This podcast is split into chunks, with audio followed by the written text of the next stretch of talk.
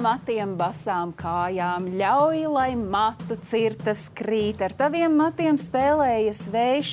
Nebijām nemaz pamanījuši, cik daudz dziesmās apdzied sievietes matus un to krāšņumu.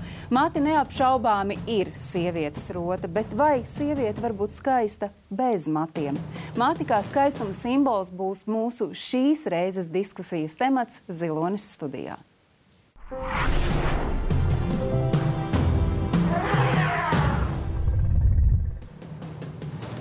Un pirmās viesņas jau šobrīd ir studijā Aiga Veckalni valodniece un pieredzējusi onkoloģisku saslimšanu. Un savukārt Ieva Bērziņa ir fitnesa trenere, kura šobrīd ikdienā mācās sadzīvot, sadzīvot, to mēs noskaidrosim ar autoimūnu saslimšanu alopēcija. Nu, saka, protams, ka mm, mati tā ir, tas ir skaistuma un veselības simbols. Protams, tā ir arī ļoti svarīga personības daļa. Bet ko darīt, ja kaut kādu iemeslu dēļ no galvas rotas nākas atteikties. Varbūt kāds teiks, patiesībā tādu spilgta cilvēka individualitāti tieši pastiprina gludi skūta galva. Un ko darīt tad, ja nav tev vispār tādas izvēles, vienkārši mati pazūd. Uh, Ieva, uh, paldies par drosmi, ka tu atnāci šoreiz pie mums ne ar parūku galvā, dzīve ar alopēciju. Kāda tā ir? Tā ir sadzīvošana, tā ir mācīšanās šobrīd sadzīvot, tā ir cīņa, tā ir pieņemšana. Jāsaka, ka es vēl mācos, jo man ir pagājis ļoti mazs laiks, pusotrs mēnesis, kopš vispār savu diagnozi zinu. Un es vēl mācos, es mācos pamosties un pasīties uz savu spoguli un pateikt, wow! Tu taču esi skaista ar visu to, ka tev nav mati. Jo uh, Jo īstenībā mati manā dzīvē bija daudz. Priekš manīm es, es jutos forši ar viņiem. Es viņus varēju savākt tā, kā man patīk. Tagad es vairs neko nevaru savākt. Jā.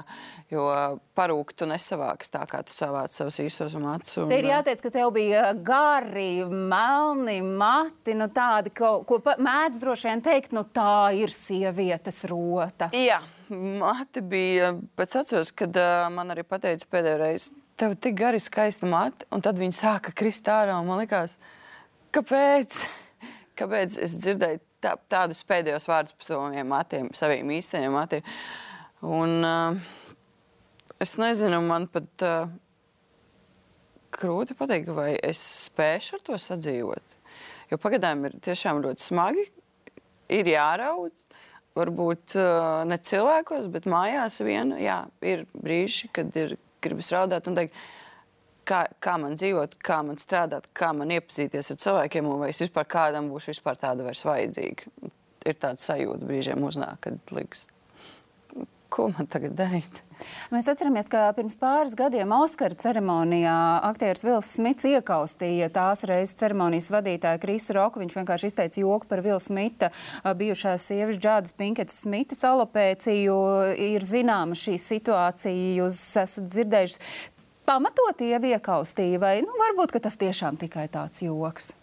Nē, es domāju, ka pamatot, jo, jo viņš noteikti saprot, kā, kā, kā viņa sieva jūtās. Jo reti kurš saprot cilvēks, kurš nekad, nekad ar to nav saskaries, nekad nesapratīs, kā jūtas cilvēks, kurš pārdzīvo to. Nu, tas tie nav tikai mati. Tas tāpat arī man teica viens puisis, nu, tie ir mati, tie ir rokas kājas. Tas Jā, ir vājš mierinājums. Tas vispār nav mierinājums. Tas nav. Jo to saka cilvēks, kuram ir viss, rokas, kājas un mati. Viņš nekad nezinās, kā es jūtos. Nu, kā viņš var zināt? Ja tu nezini, nerunā. Es arī nekad nevienam neteikšu, nu, tas ir tikai kājas. Ja es zinu, ka tam cilvēkam nav kājas, nu, tāpēc es nezinu, kā viņš jūtas. Tu saki, ka tas sākās salīdzinoši nesen, ir pusotrs mēnesis pagājis, bet kā tas sākās? Kurā brīdī tu saprati, ka jā, visticamāk, mati ir nu, tiešām skaista rota, bet uh, drīz tās vairs tev nebūs? Kurā brīdī es to sapratu? Tad, kad man bija pilna izlietne un klēpes ar matiem, un es saprotu, ka tas vairs nav joks, tas nav. Vi, mums taču mati mainās. Nu, kā jau viss saka, mati mainās, viņi krīt. Nu, saprot, ka tas, tas jau vairs nav tā, ka gan jau pāries. Es saprotu, ka man ir jāskiem pie ārsta. Tas, es aizbraucu pie uz darbu, es atceros, palūdzu kolēģi, paskaties, kas man tur notiek pakausī, jo ir sajūta, ka tur kaut kas nav. Un tagad man parādīja, ka tur nav, var teikt, lielākā daļa matu saprot. Man steidzīgi jāmeklē ārsts, un es jau nākamā dienā biju pie ārsta. Man tas bija ļoti svarīgi. Es ar asarām acīs gāju pie vadītājas darba, es man vajag brīvu, man vajag ļoti steidzi. Viņa man saprata, viņa man apskāja, pateica, jā, es tev saprotu, skrien, dari, jo tas bija ļoti svarīgi. Tajā mirklī, kad tu atvadījies no saviem garajiem matiem, tas ir ļoti emocionāls brīdis. Tev visticamāk bijis, un tā, tur ir tās asars, ko tu saki, kas nav varbūt publiski redzams, bet kas ir tevī iekšā. Bet kurā mirklī tu saprati, ka Es nelikšu visu laiku parūku, es neslēpšos. Es gribu, lai apkārtējie zina un redz, kas ar mani notiek. Nav jau tā, ka es tā baigi staigāju bez parūkas. Vēl. Es uh, zālē trenējos ar cepuri, bet es atceros, ka es visu sākumā es liku cepuri un kapuci. Lai neviens neredz, ka man tur pakausē nekā nav. Un tad es nolēmu, ka es ņemšu to, to kapuci nost solis kapuci noņem. Un es piegāju pie kolēģa, saka, man ir sāksies panika, jo man bija tas tāds, tāds tā kā, nu, tā kā iziet kailai. Uh, es nezinu, kad es būšu gatava iziet bez cepures, bet es, es jūtu, ka es tuvojos. Man jau sāk palikt tā kā, tā kā vienalga, ko tie cilvēki domā par mani. Nu, nu, lai viņi domā, nu, es, es viņu domas jau nevaru mainīt. Nu, man liekas, ka šobrīd, un Aiga man neļauj samelot, ka tu šobrīd jāvēsi to, ka, kur te ir kapucis. Tev nav kapucis, nu, tu jau to soli jā, esi spērusi. Aiga, tev pieredze ir citāda. Tev nācās vēža dēļ iziet ķīmijterapijas kursu. Tās laikā tu zaudēji matus. Šobrīd mēs redzam, mati ir, bet vai tu vari paraksturot, kas notika tevī tajā mirklī, kad tu saprati, nu, Es nezinu, cik ilgu laiku, bet nu, matiem ir jāsaka ar dievs. Jā, 20. gadā es uzzināju diagnozi vēzis, un gandrīz visu 20. gadu man notika ķīmijterapija. Un pirms tam man bija gari mati. Nu, es domāju, visgarākie, kādi man ir bijuši, varbūt ne kā ievai iepriekš, bet gana gari. Un es atceros, ka zinot, ka ķīmijterapijas laikā visticamāk tie mati izskatīs, es jau nolēmu uzreiz, ka es tos griezīšu īsus, tik līdz kaut kas sāks birt ārā. Un es izdarīju vēl tālāk. Es patiesībā vēl pirms ķīmijterapijas nogriezu gandrīz visus tos garos matus, lai tāds mazāks stress ir par to, ka ja tie garie sāk krist ārā. Un es atceros to, to brīdi, kad nu, es ar tiem pusīsajiem sēdēju dīvānā, pagriezos, un tas dīvāns bija, bija tajos matos. Un es sapratu, nu viss jāiet pie frizēra, jāgriež pilnībā nost. To es zināju, ka es negaidīšu, ka, ka tie paši kritīs ārā. Bet tik interesanti, ka Es aizgāju pie frizēra, viņš man noskūpa pilnībā galvu, un man tā patika. Es biju tik, nu, es tiešām tāda traģiska situācija, vai ne? Bet es biju tik priecīga, kā tas izskatās. Man pašai likās, ka tas baigi labi, un ka tas kaut kāds tāds, nu, tāds vieglums man tajā galvā bija. Un es gāju mājās, un, un es nezināju, ka tā notiks. Bet tur vēl bija tāds melns, smuks, vai ne? Nu, kad tev frizērs nogriež, tur paliek tāds melns. Un tad, kad sākās ķīmija, tie māte izkrita pilnībā un bija absolūti gluda galva izkrita skropstas, uzacis, un par skropstām es laikam pārdzīvoju visvairāk, jo tas arī maina seju. Acis iekais, tas ir ļoti grūti izturēt, ka tev nav skropstu. Un par matiem es nopirku parūku, jo man likās, ka man vajag parūku, ka es gribu, lai man ir tiesības izvēlēties, kad es esmu pliku galvu, kad es esmu ar, ar matiem. Bet parūkā es jutos vēl svešāk sev nekā ar to apaļo seju no ķīmijas un ar to spīdīgo galvu, es spogulī jutos vēl svešāka sev. Un, uh, es saprotu, ka tā parūka jāņem nost un jāmēģina no to spoguļu attēlu nu, sadzīvot, mācīties, pieņemt. Jā, sadzīvot, mācīties, pieņemt. Tagad ar tādu laika atstatumu, uh, kā tas mainīja tevis pašas skatījumu uz sevi? Ļoti. Um, jo vienlaikus tas esi tu tajā spoguļu attēlā, jo tu esi ļoti tuvu sev pienācis, ja trausls, nu, tāds absolūti tīrs, bez nekā, ja tā kā kailis, kā jau saka. Un vienlaikus tas ļoti svešāds tajā attēlā. Tas, tas neesi tu un tev tā kā liekas, nu, briesmīgi, kas, kas tas ar mani notiek. Un, uh, man, man tas bija vispār par stāstu ķermeņa, par stāstu par nonākšanu atpakaļ pie sava ķermeņa. Man iepriekš, es nekad nefotografējos iepriekš, kad man bija mati un kad man Nu, nebija. tur tā viena bilde mēs redzējām, laikam, Jā, pārpratuma tā bija fotosesija. Jā, tā bija fotosesija. Nu, tur es saņēmos, nofotografējos. Bet man, nu, piemēram, no 19. gada man ir viena bilde, kur mani var redzēt. 20. gadā man ir pilns ar bildēm. 21. vēl vairāk notika par to 20. gadu. Notika tāda tiešām pieņemšana, ka tu sevi redzi tādu trauslu, nevarīgu. Nu, un tu tā kā pienāc tuvāk un tā kā pažēlo sevi. Ja tu vairs neesi, tev vajag, tev vajag, tu neesi gana laba, ja tu neesi gana tieva, tu tiešām pieesim tuvāk. Un es, um, es to saucu par matu brīvību. Es kaut kādā veidā sajūtu tādu matu brīvību, ka tie ir mani mati. Un pilnīgi vienalga, kā viņi izskatās citiem, tā ir mana dzīve. Un ir pilnīgi vienalga, ko par to manu dzīvi domā citi. Un tāda brīvības sajūta. Un, ka, un arī izējot to vēža pieredzi, es saprotu, nu, ka visas citas problēmas ir tik mazsvarīgas. Un, un kopš tā laika man ir īsi mati. Jau ir pagājuši gandrīz četri gadi. Šovasar es nodzinu matus atkal pilnībā. Un domāju, nākamā vasarā darīšu tāpat. Dažkārt man gribas, lai man ir atkal garie mati. Es pat redzu to sapnī. Es esmu tā pieradusi pie tiem īsajiem, jo tā plikā galva un arī tie īsie mati ir tā tāds paziņojums savā ziņā. Un es ceru, ka es tajā 20. gadā ar to savu pliko galvu arī iedvesmoju kādu citu. Ka tas nu, no tā nav jākaunas. Ja tev arī uh, kādu droši vien pirmo fotografiju nofotografēties bez matiem, tas arī bija tāds zināmā mērā paziņojums. Jautājums vairāk citiem vai pat pašai sev? Tas bija vairāk man laikam pašai sev, jo tādējādi es vairs kā nebiju viena ar to problēmu. Es parādīju citiem. Tas man palīdzēja justies labāk. Man nav jāslēpjas. Man, eh, tad, kad es teicu, ka man teica kompliments par maniem matiem, jaunajiem matiem, man parūku, es nespēju viņus uzvelt, ve, uztvert veselīgi. Teikt, jā, paldies, jā, paldies. Tie nav mani. Un tad es saprotu, ka man ir jārunā par to skaļu un jāparāda, kāds patiesībā esmu. Un es nebūšu vienu. Un man paliek īstenībā daudz vieglāk, es vairs neslēpos. Un tāpēc es tā arī par to sāku tā vairāk uh, rādīt uh, sociālos tīklos, jo par to neviens nerunā. Un tagad es par so par to sāku runāt. Man sāk rakstīt cilvēki un stāstīt, ka vi, kāda viņiem ir pieredze ar to pašu slimību, un kā, kā viņiem gāja, un kā viņiem joprojām iet. Tas tā, tā kā varbūt mazliet nomierina, kaut kur varbūt liek vairāk satraukties. Bet es zinu, ka es tāda neesmu viena, un tas tā kā palīdz, tiešām palīdz ar to dzīvot. Nu, ir tiešām vieglāk. Tie nav tikai māti, tie ir ievas vārdi, kas jau izskanēja, bet nu, galu galā cauri laikiem tomēr māti ir bijuši tāds cilvēces veids, kā nodot ziņu citiem gan par savu veselību, gan par bagātību, identitāti, statusu, par to, cik liela nozīme vēsturē ir bijusi matiem. Par to pēc īsa brīža, pēc reklāmas pauzes.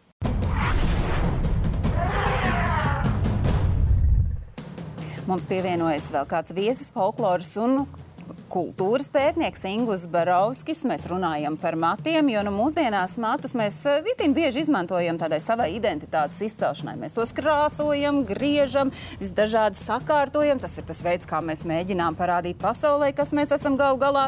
Uh, lai šo individualitāti parādītu visiem citiem, mēs tērējam arī laiku un naudu. Bet uh, nu, tiem, kuri savā dzīvē ir pieredzējuši matu zaudēšanu, tā identitāte un pašsajūta var tikt arī negatīvi ietekmēta. Tādā vēsturiskā griezumā skatoties, nu, grieķi, piemēram, uzskatīja, ka mati tas ir dzīvības avots, viņi tur ļāva gariem izaugt, novērtēja tik tālu, ka pat ļāva tos izmantot upurēšanai. Vīrieši to starp tā nebija tikai sieviešu privilēģija. 18. gadsimtā, nu, tur tad savukārt uzvaras gājienu svin parūkas, visi, kas vien var to atļauties. Vīrieši tur ielika zelta ķemes, sievietes veidoja ekstravagantas dažādas kompozīcijas. Kā tas ir pasaulē skatoties? Nu, kā ir Latvijā bijis savukārt, ja mēs paskatāmies? Nu, mums mūzikas instruments un dzīves putnu būrus matos laikam Latvijā ir kādreiz kāds līdzis. Nu, mums taču arī ir bijušas savas īpašas attiecības ar matiem laiku laikos.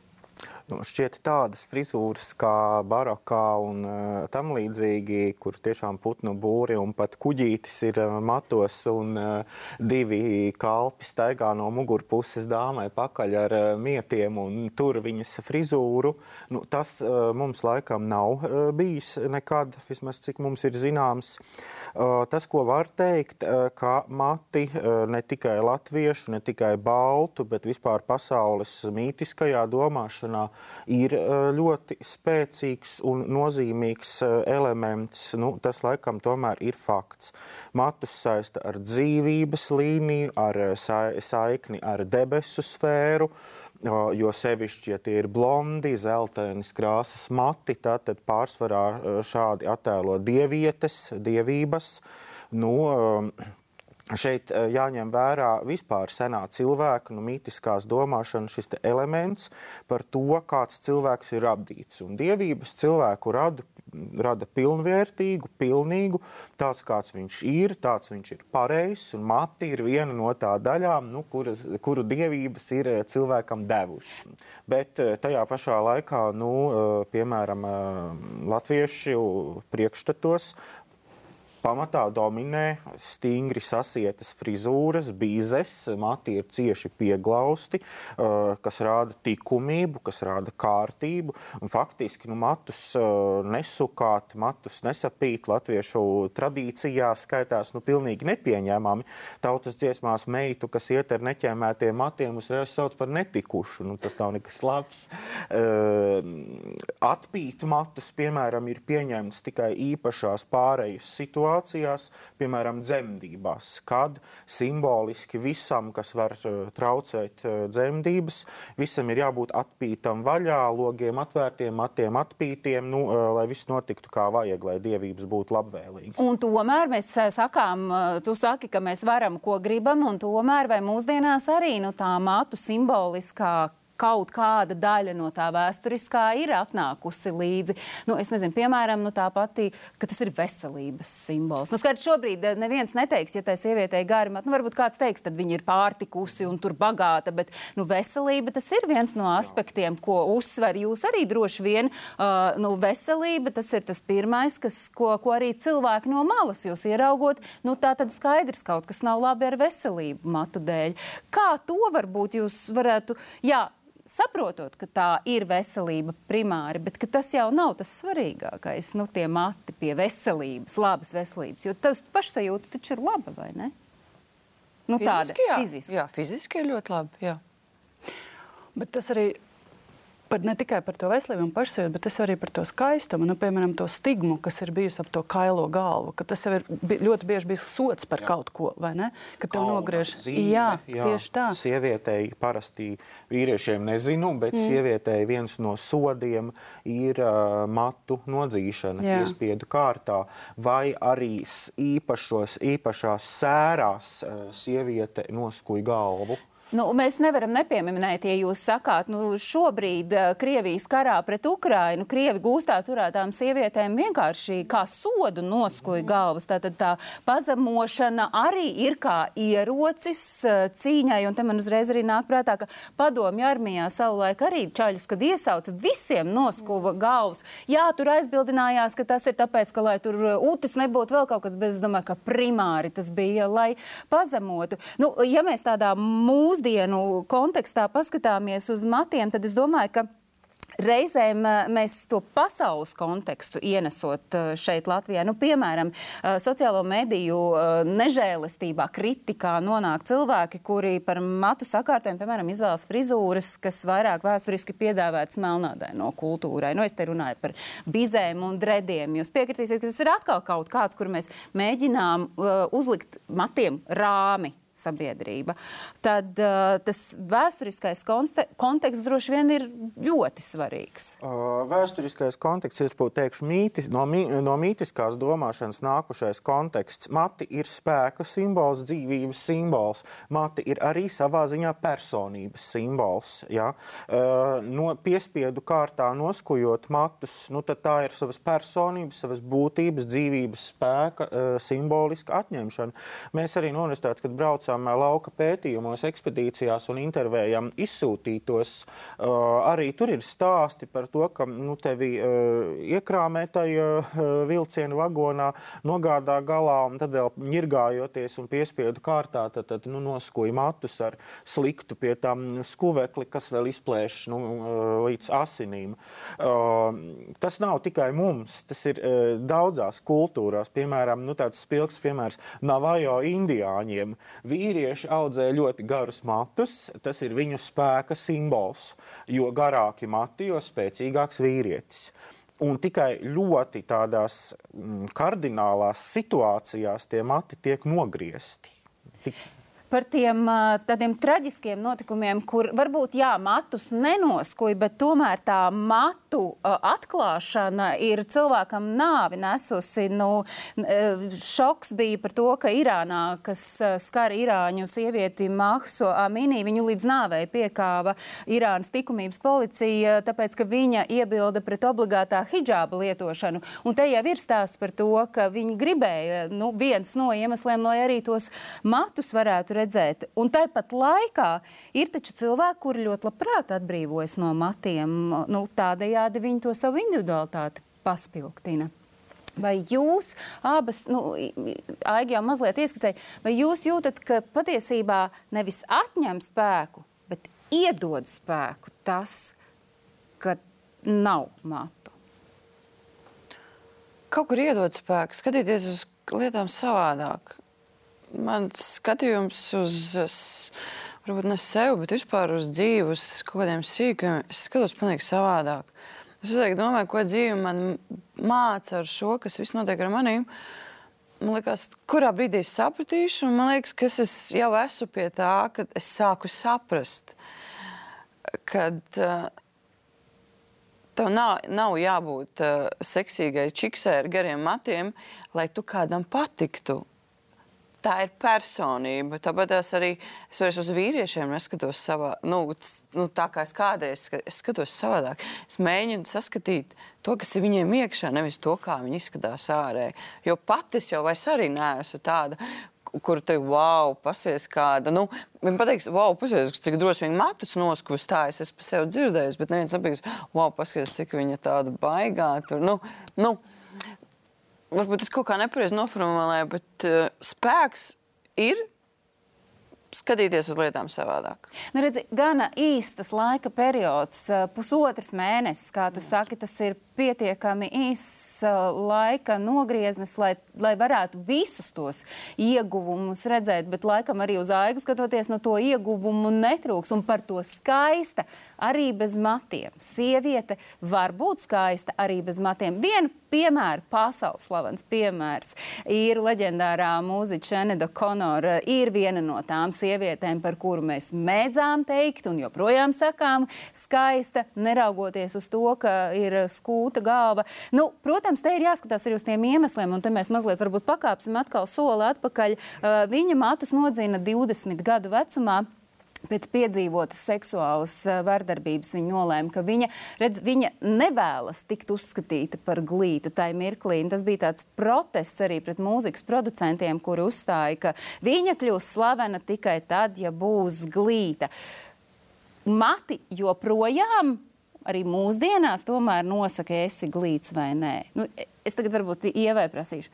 Nu, salīdzinot uh, komplimentus, vairāk tu saņēmi iepriekš vai varbūt tagad? Laikiem varbūt pat tagad. Jo man liekas, tie komplimenti tagad ir tādi īstāki, tādi patiesāki. Man liekas, ka jā, tagad. tagad. Noteikti, tad, kad man nebija matu vai kad ļoti īsi. Un, un tas tiešām ir interesanti, kā tas mainās. Es domāju, mēs ieraugām cilvēku kaut kā citādi. Un liela daļa tā komplimenta ir tiešām par to, par to drosmi.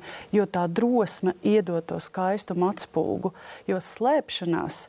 Un slēpjoties, mēs arī jūtamies nedroši, nērti. Un tad, kad mēs to atklājam, tas arī iedod mums to spēku acīs, un tas arī to skaistumu paspilgtina. Un nemaz nerunāju par to, ka mēs un citi uzzina, kā, cik skaisti mums ir galvaskauss. Un lielākoties tie ir ļoti skaisti galvaskauss. Tikko mēs redzējām, vai ne šī ideja, vai ievai brīnišķīgs galvaskauss. Ja. Sieviete ir skaista arī bez matiem 21. gadsimtā. Kā tur ar to skaistumu ir? 21. gadsimtā, 20. pat es teiktu, ka noteikti, pilnīgi noteikti. Um, par senākiem periodiem mums vismaz nav īpašu liecību vai, vai. Nu, tad, kad bija garās nu, kuģīši matos, tad, protams, pamatā vērtēja kuģīti matos. Bet, uh, es domāju, mūsdienās noteikti. Kāpēc ne? Matu zaudēšana, uh, psiholoģiskais uh, faktors, jūs jau mazliet ieskicējāt, bet uh, mums pēc brīža pievienosies psihoterapeite Inese Pūtniece, un uh, tas nozīmē, ka mēs šim psiholoģiskajam aspektam pievērsīsim uh, vēl tādu uh, lielāku fokusu. Pēc brīža tiekamies.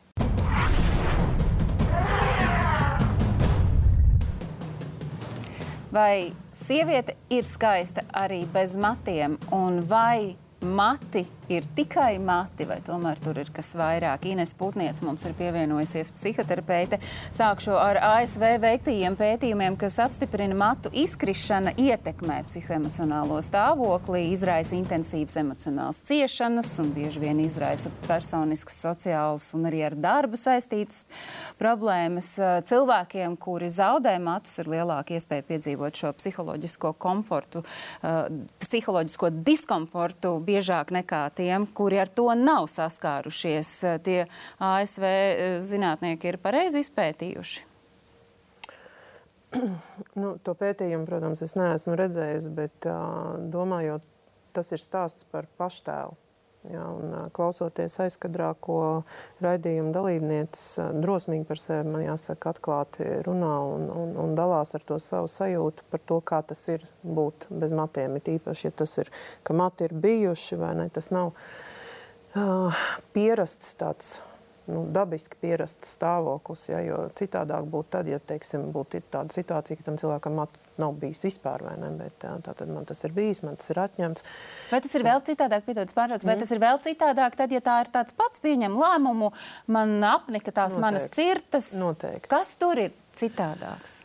Uh, es domāju, ka mēs to tā detalizēti raidījumu, šī raidījuma ietvaros diez vai, diez vai atklāsim, bet tā īsumā domājot par uh, tā saistību ir paštēls ļoti cieši korelē ar uh, pašapziņu. Ja, par to, cik lielā mērā es uh, precīzi zinu, kas es esmu, kāds es esmu, kāpēc es kaut ko daru, kāpēc es kaut ko nedaru, un tā tālāk, un tā joprojām. Un es esmu izveidojis par sevi, ja mēs domājam par tādu cilvēku personības nobriešanas vai ne procesu, ja tur dažādu faktoru ietekmē, es esmu izveidojis sev šo paštēlu. Tas ir arī tas, ka es skatoties spogulī sevi redzu, un tad es tur, teiksim, varbūt tās, jā, ir cita lieta, ka es pieņemu lēmumu tur vai nu matus griezt vai krāsot vai, vai vai varbūt pat pavisam no tiem atbrīvoties. Ja?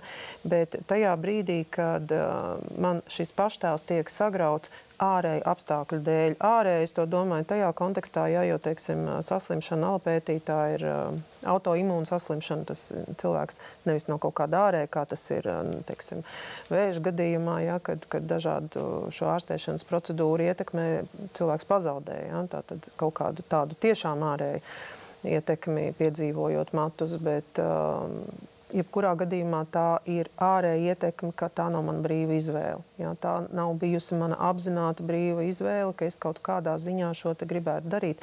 Tevis pieminētais piemērs par dziedātāju, jā, arī teiksim, manā praksē pieredzē ir um, nu, pacienti, kuri ļoti radikāli maina savu tieši arī caur matiem. Ne obligāti varbūt tūlīt nodzenot pavisam, jā, kā šī minētā dziedātāja matus, bet ļoti radikāli mainot izskatu pēc piedzīvotas vardarbības arī seksuāls tā skaitā. Ja? Jo tas ir stāsts par to, ka mans nu, paštēls, tas vizuālais, ir daļa no mana šī pašapziņas, no tā paštēla pašvērtējuma, kā mēs reizēm to sakam. Ja? Un tas tiek ļoti spēcīgi traumēts. Ja? Tāpēc brīdī, kad ja es to izdaru apzināti izvēli, tas noteikti tomēr ir, ka es tam kaut kā gatavojos. Jo es nedomāju, ka ir iespējama tāda situācija pavisam pēkšņi cilvēkam, tad droši vien par tādiem nopietniem mentālu raksturu traucējumiem jādomā, ja es no rīta pieceļos un pēkšņi izdomāja. Ja. Tas ir tomēr process, arī te runātājs teica, ja, ka arī es piemirsu vārdu, bet Aiga, ka, Aiga jāteica, ka man jau bija zināms, jau tā kā iekšēja gatavība, tur kaut kas ir gaidāms. Ja. Es iekšēji gatavojos un tad es pieņemu lēmumu, es jau tā kā spēru šo soli, es sevi kaut kādā ziņā ar šīm ārējām darbībām mazliet sagatavoju. Ja. Bet tas nav pēkšņi. Ja. No amerikāņu pop princesa Britnijas Pīrs 2007. gadā arī šokēja sabiedrību noskūdama matus. Tas gan bija viens no tādiem vairākiem aspektiem, kas bija saistīts ar viņas psihoemocionālo stāvokli. Būsim godīgi, runāsim par nervu sabrukumu. Tad, tad nu, tas mati un emocionālais stāvoklis, tas grozies kā gribi iet roku rokā, un tas ir visticamāks signāls gan uz vienu pusi, nu tad, ja tu pieņem lēmumu, nu tā strauji atbrīvoties no matiem, un otrs, ka tas tevi noteikti neizbēgam mainīs, tad, ja tev neplānoti nākas atteikties no matiem. Nu, ja mēs runājam par tādiem lēmumiem, kas tiešām, kā tu nosauc to par nervu sabrukumu, jā, tad tā tomēr ir arī tāda ļoti um, ārkārtīgi ārēji redzama pašdestrukcijas forma, tāda sevis savainošana. Nu, būtībā jau nav liels atšķirības, vai es sev kaitēju. Nu, tādā fiziskā veidā ir cilvēki, kurš sev graiza un dažādos citādos veidos nodara sev kaitējumu. Jā, arī šis var būt viena no formām, kā to izpaust. Jā, nu. Tad tas nozīmē, ka mums kā sabiedrībai vērojot apkārtējos, ja kāds pēkšņi neplānoti vai kā citādi atbrīvojas no matiem, tas ir signāls, ka mums ir jāpievērš šim cilvēkam uzmanība. Nu, mēs jau tā nevaram teikt, jo mēs nezinām viņa iekšējos procesus, ja kaut kādus šos jautājumus, kurus cilvēks iepriekš, ja, kā jau es uh, Aigu pieminēju, vai ne, nezinu, vai viņi gāja un stāstīja, kā viņi domā un kā viņi jūtās. Ja. Bet uh, nu, tikpat labi arī alopētijas gadījumā tā matu izkrišana jau nav tūlīt uz sitienu momentā. Ja. Tas arī ir kaut kāds process, un tad, ja tajā brīdī cilvēks pieņem lēmumu, ja pavisam noskūt galvu, ja, mēs jau visus šos te iekšējos jautājumus, nu, mēs jau redzam to rezultātu tikai tikai. Ja? Vai tas ir kā signāls, nu, te jau iepriekšējais runātājs teica par to vēsturisko, ja? jo, protams, ka mūsu e, psihē ir, e, nu, mums nav šīs te robežas starp pagātni, tagad nākotni, un, un teiksim, terapeiti bieži vien runā par to, ka mūsu uzvedību un tādus varbūt priekšstatus, ko mēs reizēm sadzīviski definējam par stereotipiem, nosaka arhetipi. Nu, šī arhetipiskā atmiņa, ja, kas glabājās no Junga teorijas, ja, tajā kolektīvajā bezapziņā, ko tas īsti nozīmē, vai ne? Un tā tad mēs reaģējam, protams, uz to, ja mēs ieraugam, ka cilvēkam nav matu uz galvas. Ja? Mēs neapšaubām kaut ko par to padomājam. Katrs no sava brieduma un, un, un tādas varbūt arī inteliģences pakāpes. Ja? Nu, vai ja tas cilvēks ir pavisam svešs un nepazīstams, mēs gluži tā iesim klāt, nu nezinu vai, bet ja tas cilvēks ir tuvākā lokā, nu, tad attiecīgi jā, nu, ar tādu zināmu takta sajūtu apveltītam cilvēkam droši vien nebūs grūti jā, kaut kādā brīdī, kad neradot um, otram uzrunātajam cilvēkam lielu diskomfortu vai nepastiprinot viņa kaut kādu ja, psihoemocionālo diskomfortu, apjautāties, nu, vai viss ir kārtībā, vai varbūt es kaut kā varu palīdzēt un tā tālāk. Ja. Jums bija kāds, kurš tā nāca un jautāja un pievērsa uzmanību un mēģināja saprast, kāpēc jūs to esat izdarījuši? Nu, es domāju, tādā ziņā, tad, kad, es, tad, kad mati izkrita un es neslēpu tos, tad liela daļa cilvēku uzzināja par to, kas ar mani ir noticis. Jo es pirms tam par to tā īpaši nestāstīju. Bija diezgan ilgs laiks, kamēr es par to nerunāju. Un tad bieži vien tas bija pārsteigums. Un, un, protams, pirmais, ko man pirmā reakcija, pirmais, ko cilvēki teica, jā, nu tad, vai tā ir kāda slimība, vai arī es redzēju, ka viņi apjūg un nezina, ko teikt. Jo tas ir ļoti nērts temats. Tu nezini, vai tu cilvēku tajā brīdī par to runāt. Nu, Ines, tu labi teici, vai ne, ka tur jau jābūt arī tai iejūtībai, kā par to runāt un kā, kā pie tā nāk. Bet pilnīgi noteikti to, to pamanīju. Jā. Satraukums arī bija par tevi. Kas ar tevi ir noticis? Nē, nebija. Nopietni nebija. Jo es uh, ilgi to neslēpu. Es baigi ātri par to sāku runāt. Jo, nu, es nemāku paslēpt, nu, nemāku slēpt savas emocijas, nemāku paslēpt to, kā es jūtos. Un, jā, es ļoti ātri par to sāku runāt. Man liekas, es nosku pēdējos matus. Pagāja, man liekas, dažas dienas, kad es jau to ieliku publiski un parādīju, kāda patiesībā es esmu. Kā šo, nu, tas ir psiholoģisks trieciens. Tā ir kaut kāda zināmā mērā identitātes uh, iedragāšana, šī matu zaudēšana. Kā neiegrimt, bet pacelt sevi augšā, pirmkārt pieņemot, un kas notiek, ja to neizdodas izdarīt? Nu, zini, man gribas teikt tā, ka šeit noteikti ir jādomā arī par to, ka nu, tā vienkāršā valodā runājot, tā situācija, kad ja notiek tādu vai citādu iemeslu pēc matu zaudēšana, viņa nav, nu, pēdiņās liksim šo vārdu, nav normāla. Tāpēc kaut kādā ziņā jebkura reakcija savukārt, kura nav varbūt standartizēta tādās dažādās izpratnēs, būs adekvāta un normāla uz to nenormālo situāciju, kas ar mani notiek. Un tā ir krīze, tas ir absolūti jāsaprot vienkāršiem vārdiem runājot. Tā ir krīze, un cilvēkam ir jāiziet cauri visām šīm krīzes attīstības stadijām. Pirmā ir šoks. Pēc šoka nāk noliegums. Ja? Un noliegumam seko tirgošanās. Ja? Tajā brīdī, kad ir šī iekšējā, kāpēc ar mani un tā tālāk, un tad aktivizējās ja, šī maģiskā domāšana, kas ir vien, vienīgais no domāšanas veidiem, kurš mums darbojās visiem cilvēkiem, ja, tajos brīžos, kad mēs esam psihoemocionāli ārkārtīgi traumēti, ļoti spēcīgi. Ja, jo tā ir tā, tā domāšanas forma, kas mums ir pieejama preverbālā periodā. Tas ir līdz tam brīdim, kamēr attīstās valoda, tas ir kaut kāds pusotrs, divi gadi. Tāpēc pie ļoti smagiem satricinājumiem maģiskā domāšana mums palīdz izdzīvot. Ja?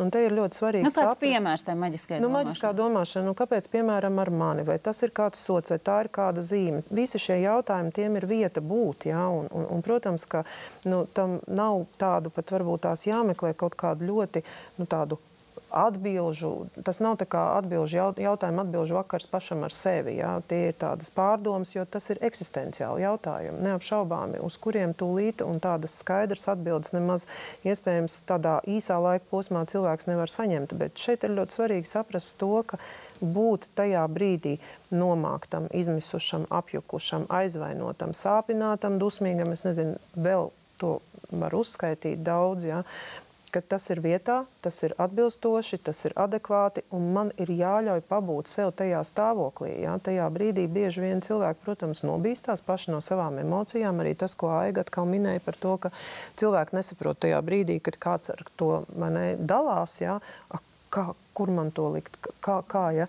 Jo tas, protams, norezonē arī ar kaut kādiem iekšējiem procesiem tam nu, jautātājiem vai klausītājiem. Ja?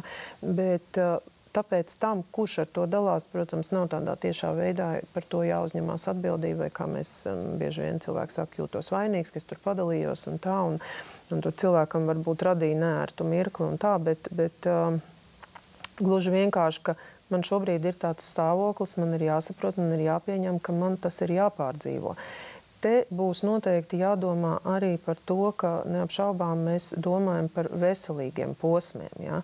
Un uh, savā ziņā būt nomāktam un pat depresīvam ir dabiski arī tajos brīžos, nu, piemēram, kā mēs šodien par matiem runājam, ja tādas krīzes rezultātā.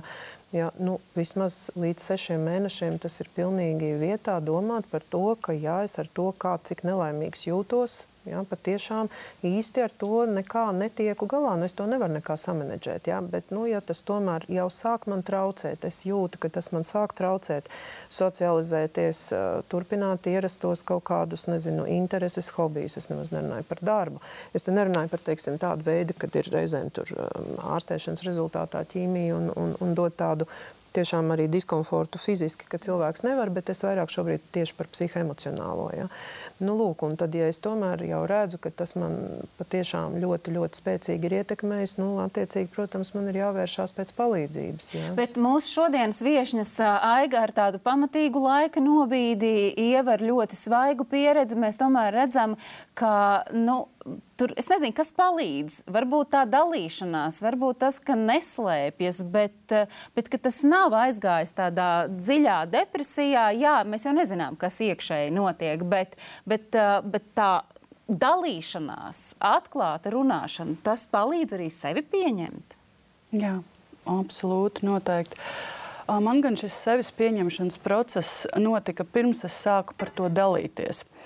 Un es drīzāk sāku dalīties ar domu, ka es varu palīdzēt kādam citam. Jo es piedzīvoju arī tajā pašā mm, ķīmijterapijas stat, dienas stacionārā, ka bieži vien cilvēks slēpjas. Latvijas onkoloģijas centrā reti var ieraudzīt cilvēku bez matiem, jo lielākoties tas ir parūkās vai ar cepurītēm.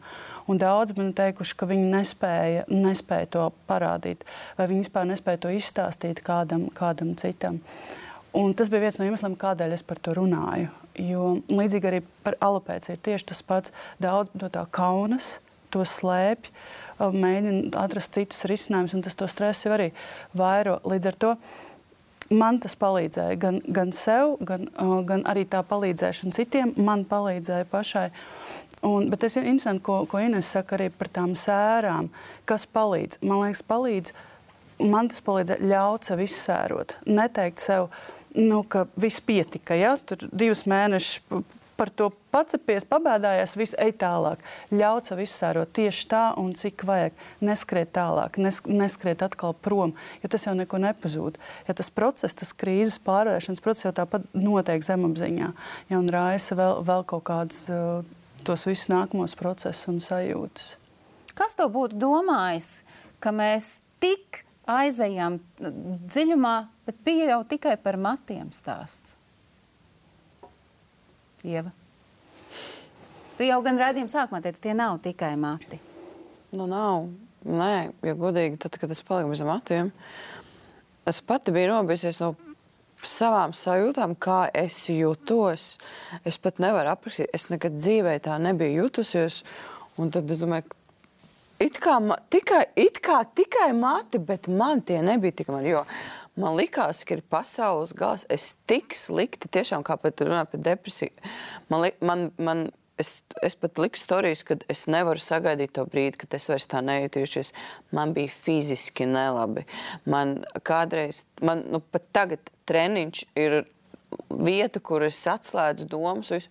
Man pat uz treniņu bija jāsaņemās, aiziet. Man, man fiziski vēmt gribējās no katras savas kustības, bet es to turpināju darīt, jo es sapratu, ka man jau vieglāk mājās uz dīvāna nepaliks. Es turpināju iet un darīt ar visu to, ka man gribas vēmt. Un, Un, un tad pienāca tā diena, kad wow, es tā, tā, jūtos labāk, es esmu gatava atkal iet uz darbu, es esmu gatava komunicēt ar cilvēkiem, es esmu gatava viņiem smaidīt.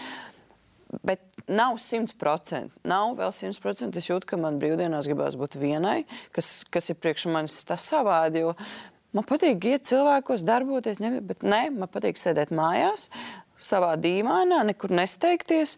Un es saprotu, ka tas vēl, tas, tas jā, tā jau ir parādība, ka nav vēl līdz galam labi. Bet, nu jā, man ir pīsu laiks pagājis. Nu, Es... Lai izdodas sadzīvot. Jā. Un tas pats svarīgākais - paldies par jūsu atklātību un par uzticēšanos. Un eh, paldies viešņām, paldies arī Ingu, Ingam, kurš bija pirms brīža pie mums. Paldies jums, skatītāji! Es ceru, ka jums ir viela pārdomām. Jūs varat savā starpā diskutēt par šo tematu TV3 mājaslapā Slīpsvītra zilonis, bet svarīgākais klausieties zilonis studijā raidierakstu platformās un uz tikšanos citkārt.